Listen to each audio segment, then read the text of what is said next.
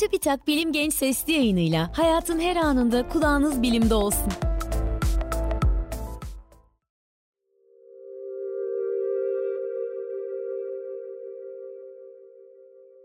Uzaya ve bilime meraklı gençler merhaba. Bilim Genç Sesli yayınının bu bölümünde evrene bakış açımızı kökten değiştiren inanılmaz bir keşfin hikayesinden ve öneminden bahsedeceğim. Bu keşifle birlikte artık evreni sadece radyo dalga boylarından gama ışınlarına uzanan radyasyon sayesinde değil, aynı zamanda uzay zaman örtüsündeki fiziki dalgaları analiz ederek de inceleyebiliyoruz. Bu sesli yayınımızın konusu uzay zaman dalgalanması. Her ne kadar sıklıkla kütle çekim dalgaları veya kütle çekimsel dalgalar olarak isimlendirilse de söz konusu olayın zihinde daha net resmedilebilmesi için bu kayıt boyunca uzay zaman dalgalanması veya uzay zaman dalgaları isimlendirmesini kullanacağım. Nitekim bu olay sadece kütlenin varlığı nedeniyle değil, kütlenin veya birbiri etrafında hareket eden kütlelerin bazı özel durumlarında uzay zaman örtüsünde oluşan dalgalardır. Ayrıca İngilizcesi gravity waves olan kütle çekim dalgaları ise akışkanlar dinamiğinde gözlenen dalgalar için kullanılan bir terimdir. Dünyanın çekim kuvveti nedeniyle atmosferde ve okyanuslarda gözlenen dalga yapıları buna örnek olarak verilebilir. Bu açıklamayı yaptıktan sonra tarihsel sürece kısaca bir göz atarak uzay zaman dalgaları hakkındaki sohbetimize başlayalım. Her ne kadar Albert Einstein'ın genel görelilik teorisi kütle çekimine en doğru açıklamayı getirmiş olsa da Isaac Newton'dan Albert Einstein uzanan 300 yıl içinde birçok bilim insanı kütlenin ve kütle çekiminin doğasını anlamaya çalışmıştı. Isaac Newton aradaki mesafenin büyüklüğünden bağımsız olarak iki kütlenin birbirini çekim yasası ile anında etkilediğini düşünse de buna aslında kendisi de pek anlam verememişti. Daha sonra James Clerk Maxwell bir fikirle çıka geldi. Maxwell, elektrik ve manyetizmanın bir çeşit alan gibi dikkat alınması gerektiğini ve ikisinin birlikteliğinin bir sonucu olan elektromanyetik alanın dalgalar şeklinde ve ışık hızında yayıldığını göstermişti. Ayrıca Maxwell, kütle çekim kuvvetini iki nesne arasındaki görünmez bir güç olarak değil de bir alan olarak değerlendirebilir miyiz diye düşünmüştü. Ona göre kütleler o alan içerisinde olduğu için diğer kütlelerden haberdar oluyordu. Maxwell'den sonra gelen birçok bilim insanı kütle çekim kuvvetinin de ışık hızında yayıldığını düşünmüş ve bunu ispatlamaya çalışmıştı. Bunu en doğru şekilde başaran kişi Einstein olmuştu. Einstein, kütle çekimi denilen kuvvetin aslında iki nesne arasındaki görünmez bir kuvvet değil de kütle nedeniyle uzay zaman örtüsünün bükülmesi olduğunu genel görelilik teorisiyle gösterdi.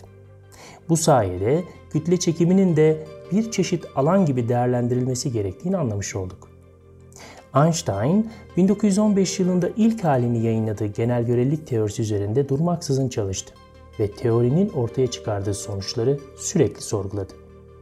Bu sonuçlardan biri de uzay zaman dalgalanmasıydı.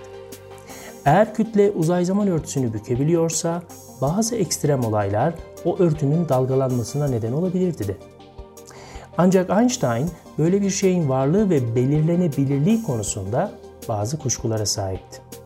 Mesela 1936 yılındaki makalesinde uzay zaman dalgalanmasının sadece matematiksel olduğunu, fiziksel bir şey olmadığını söylüyordu. Sonra makalede bir hata buldu ve uzay zaman dalgalanmasının olması gerektiğini söyledi. Ancak 1938 yılında başka bir çalışmasında uzay zaman dalgalanmasının belirlenebilecek bir şey olmadığını söylüyordu. Başka birçok bilim insanı aslında genel görelilik teorisinin içinde olan ve uzay zaman dalgalarının gerçek olduğunu gösteren sonuçlara 1950'li yılların sonunda ulaştı. Yani uzay zaman dalgalarının varlığını o dönem tam olarak emin olamasa da gösteren ilk kişi Einstein ve onun genel görelilik teorisiydi. Elbette uzay zaman örtüsünde ölçülebilecek düzeyde bir dalgalanmaya neden olacak nesneler arasında siz veya tanıdığınız en kilolu insan yer almıyor. Bunu ancak daha yoğun ve daha büyük kütleli nesneler başarabilir. Yüksek bir ivme ile hareket eden büyük bir kütle veya yoğunluğu çok yüksek olan iki kütlenin birbiri etrafındaki hareketi uzay zaman örtüsünde bir dalgalanma oluşturabilir. Diğer yandan teorik olarak el ele vermiş ve birbiri etrafında dolanan iki kişi de uzay zaman örtüsünde dalgalar oluşturabilir.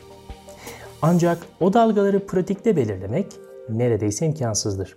Nötron yıldızı veya kara delikler gibi çok yoğun nesneler söz konusu olduğunda ise ortaya çıkan uzay zaman dalgalarını belirlemek daha da kolaylaşır.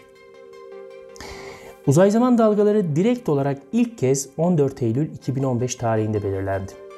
O gün dünya ve onun üzerindeki her şey, buna sizler de dahilsiniz, bir atom çekirdeğinin 10 binde biri kadar genişleyip daraldı. Belirlenen bu ilk uzay zaman dalgasının kaynağı 1,3 milyar ışık yılı ötedeki iki kara deliğin şiddetli bir şekilde birleşmesiydi. Kara deliklerin birleşmeden önceki kütleleri Güneş'in 36 ve 29 katına eşitti. Ancak iki kara delik birleştikten sonra Güneş'in kütlesinin 62 katı kütleye sahip tek bir kara deliğe dönüşmüştü. Fark ettiğiniz gibi 36 ile 29 sayılarının toplamı 62 değil, 65'tir.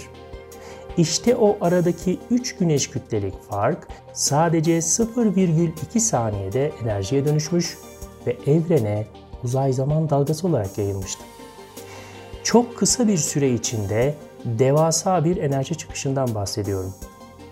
Bu enerji o kadar büyük ki gözlenebilir evrendeki tüm yıldızlardan aynı süre içinde yani 0,2 saniyede uzaya yayılan toplam enerjiden 50 kat daha büyük bir enerjiye karşılık gelir.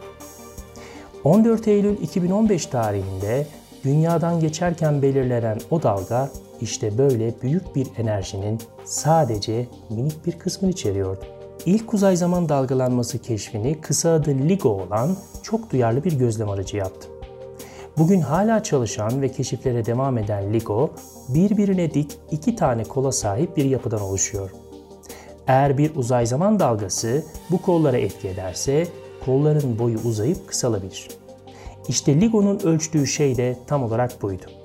Hem de atomun çapından daha küçük bir duyarlılıkla. LIGO onlarca yıllık bir çalışma sonunda geliştirilen ve ciddi emek harcanan bir gözlem aracı. LIGO'ya benzer ve hatta ondan daha duyarlı gözlem araçları yapmayı hedefleyen projeler ise devam ediyor. Bunlardan biri de uzayda çok daha büyük bir mesafeye uzanabilen benzer bir gözlem aracı yapmayı hedefleyen LISA projesidir. Peki uzay zaman dalgası denince zihnimizde nasıl bir resim şekillenmeli? Uzay zaman dalgaları uzay zaman örtüsündeki titreşimlerdir ve ışık hızında yayılırlar. Bir su birikintisine taş attığınızı düşünün. Attığınız taşın büyüklüğüne ve atış şiddetinize göre dalgaların boyutu da değişecektir. Dalgalar su birikintisinin kenarına doğru ilerledikçe şiddeti azalır. Yani ilk keşfedilen uzay zaman dalgalanması o derece şiddetli olmalı ki katrilyonlarca kilometrelik yolculuktan sonra dünyadaki alıcılarımız tarafından hala belirlenebilir düzeyde bir dalga kalsın. Bu keşif aslında 3 ayrı keşfin aynı anda yapılmasıydı.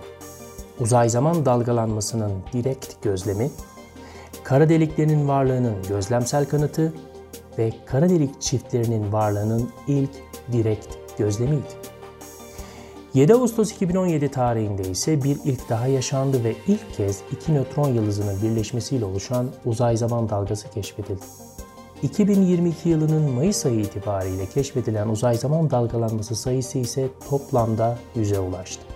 Peki hangi olaylar uzay zaman dalgalanması oluşturabilir? Birleşen nötron yıldızları veya kara delikler, kara delikler tarafından yakalanan nötron yıldızları veya beyaz cüce çiftleri uzay zaman dalgalanması oluşturabilir. Dev yıldızların şiddetli ölümleri olan süpernova patlamaları ise bir diğer uzay zaman dalgası kaynağıdır. Bundan 13,8 milyar yıl önce gerçekleştiğini düşündüğümüz büyük patlamanın kendisi de evrene uzay zaman dalgası yaymış ve kozmik mikrodalga arka plan ışınımına benzer bir iz bırakmış olmalıdır. Ancak 13,8 milyar yaşındaki o izler çok daha zayıf olacağı için şu anki teknolojimiz ile onları belirlemek pek de muhtemel görünmüyor. Kim bilir? gelecekte yapılacak daha duyarlı LIGO benzeri gözlem araçları ile büyük patlamadan arta kalan o dalganın evrende bıraktığı izleri belki keşfedebiliriz. Uzay zaman dalgaları evrende görebileceğiniz en ekstrem olaylardan biri olsa da yeterince uzakta olduğu sürece gezegen boyutunda bir etkiye neden olmaz. Eğer böyle bir kara delik birleşmesi Güneş sistemi içinde bir yerde olsaydı işte o zaman bunu ciddi derecede hissederdik. Ancak merak etmeyin. Bize en yakın kara delik yaklaşık 1000 ışık yılı uzaklıkta ve bize çok daha yakın bir kara delik veya kara delik çifti henüz belirlenmiş değil. Bir sesli yayının daha sonuna geldik. Bu bölümde evreni anlama çabamızda bize yeni ufuklar açan uzay zaman dalgalanmasının ilk keşfinden ve bazı özelliklerinden bahsettik. Bir sonraki Bilim Genç sesli yayınımızda evrenin başka bir gerçeği hakkında konuşmak üzere. Hoşçakalın.